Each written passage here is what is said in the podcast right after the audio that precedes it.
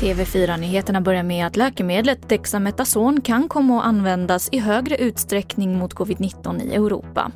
Studier visar att kortisonet Dexametason minskar dödligheten för svårt sjuka patienter.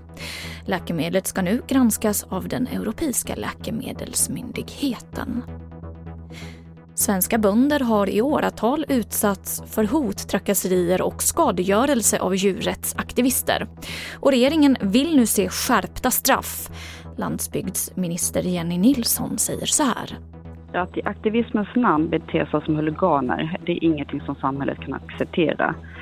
Alltså det som berör mig mest och som gör mig mest förbannad det är när man hotar näringsidkares familjer, eh, ibland också deras barn. Det är helt oacceptabelt.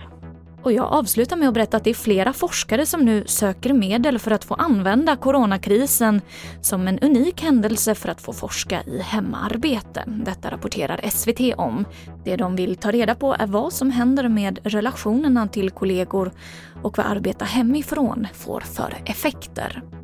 Och det var det senaste från TV4 Nyheterna. Jag heter Emily Olsson.